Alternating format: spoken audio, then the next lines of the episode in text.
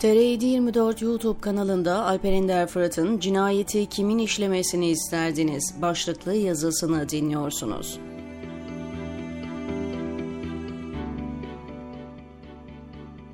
Kasabanın orta yerinde bir cinayet işleniyor, halk şaşkınlık ve infial içinde sesler, tepkiler, uğultular bütün meydanı hatta kasabayı sarmış, herkes olayın failini ararken savcı olay yerine intikal ediyor. Etrafa şöyle bir nazar ediyor, notlar tutuyor, incelemelerde bulunuyor, o esnada bölgenin ağası savcıyı çağırıp soruyor. Bulgularınız ne, cinayeti kim işlemiş, diyor.''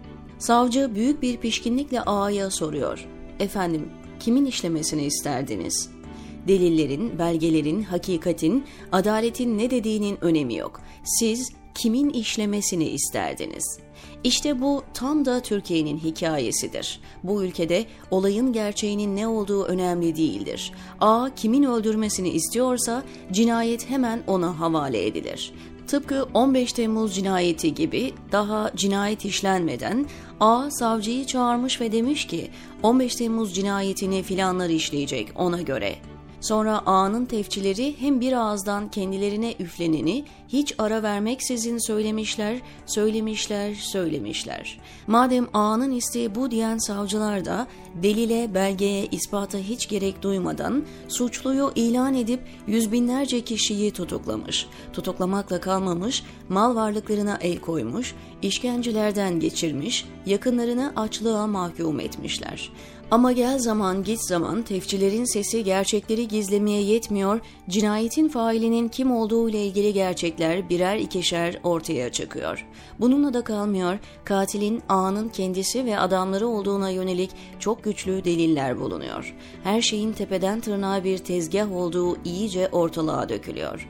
Bu kadar belge ve bilginin saçılmasından sonra dünyanın herhangi bir ülkesinde adalet sağlayıcıları ne yapar? Yıllarca katil zanlısı diye tutukladıklarımız masummuş diyerek en azından cinayeti işlemediği kesinleşenlerden özür dileyip özgürlüğüne kavuştururlar değil mi?'' adalet sağlayıcı derken sadece hakim ve savcıları kastetmiyorum. Bunlarla beraber kamuoyu oluşturanlar, gazeteciler, yazarlar, entelektüeller, kanaat önderleri, muhalif siyasetçiler de bir yönüyle adalet sağlayıcılarıdır ve adaletin sağlanması için harekete geçerler. Ama Türkiye'de ne oluyor? Gerçeği arayanlara ağız dolusu hakaret edip ne yapıyorsunuz? Bu faaliyetiniz iftirayla içeri attıklarımızın aklanmasına neden oluyor. Konuşmayı ve bu tür eylemleri kesin. Toplumsal illüzyonu bozmayı bırakın diye ayağa kalkıyorlar.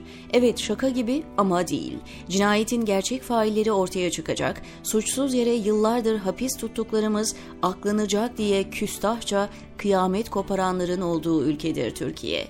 Cevheri Güven 15 Temmuz'un ucundan azıcık tutan bir takım haberler yapınca muhalif görünümlü bir dünya adam ayağa kalktı ve bu haberler cemaatin masum olduğunu ortaya çıkarıyor diye höykürüyor. Aslında konu sadece 15 Temmuz değil. Mesele temelde bir adalet arayışının olmaması meselesidir. Buyurun Necip Hablemitoğlu cinayeti.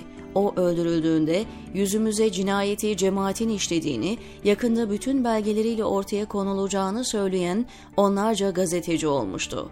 Bu gazetecilerin hepsi de hala ortalarda gazeteciyim diye dolaşıyor. Aradan yıllar geçti, İzmir suikasti bile cemaate yamanmaya çalışıldı ama ortaya çıkacak denen belgelerin hiçbirisi ortaya çıkmadı. Olmayan şey ortaya çıkamaz. Cemaati terör örgütü ilan etmek için o cinayete ihtiyaç kalmayınca bugünlerde A'nın başka bir oyunu için A'nın isteğiyle cinayetin failleri değişti. Rusya'nın Ankara Büyükelçisi Karlov'un öldürüldüğü an katil polisin cemaatten olduğunu şıp diye anladılar. Canlı yayında cinayeti işleyen polisin bilmem kaçıncı derece akrabasının dershanelerden birinin önünden geçtiğini gerekçe göstererek cinayeti üzerimize yıkmaya çabaladılar. Konjonktüre göre katili bulan Türkiye'de bugün o cinayeti ve faillerini konuşan bile yok. Ya Hrant Dink cinayetine ne demeli? Ergenekon'un en karakteristik cinayetlerinden birini de konjonktüre uygun şekle dönüştürdüler. Yıllardır onu cemaate yamayacak minnacık da olsa bir delil bulamadılar. Dink'i öldüren katil, hedef haline getiren gazete ve yazarı, onu İstanbul valiliğine çıkarıp açıkça tehdit eden bürokratlar, katilin organik ilişkili bulunduğu ayan beyan ortada olanlar hiçbirisi konuşulmuyorken olayı haber yapan Ercan Gün hapiste tutuluyor. Maalesef bu devletin, hukuk sisteminin, siyasetin köpeği olması yeni bir şey değil. Ülkenin ağları bir cinayeti kimin işlemesini istiyorsa, yargının işi cinayeti onun üzerine yıkmak, yıkılmasını sağlayacak delil üretmek. Adalet kimsenin umurunda değil, diyor Alper Ender Fırat, TR724'deki köşesinde.